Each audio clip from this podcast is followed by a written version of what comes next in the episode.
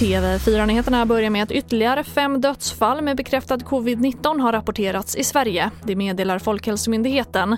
Och därmed har totalt 12 798 smittade avlidit i landet. Och hittills har 235 274 personer fått två doser coronavaccin. Det rapporterar myndigheten.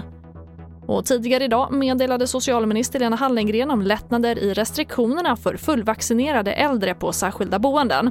Folkhälsomyndigheten bedömer att de återigen kan träffa nära och kära i sina lägenheter och smittspridningen på landets äldreboenden har minskat i takt med att vaccineringen fortsätter.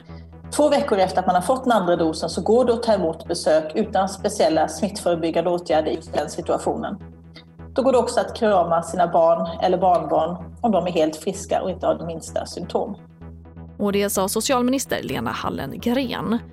Och vi avslutar med att det blev svensk guldsuccé i skid-VM idag. Vi säger stort grattis till 26-åriga Johanna Sundling som vann sprinten i överlägsen stil före norskan Majken Kaspersen Falla.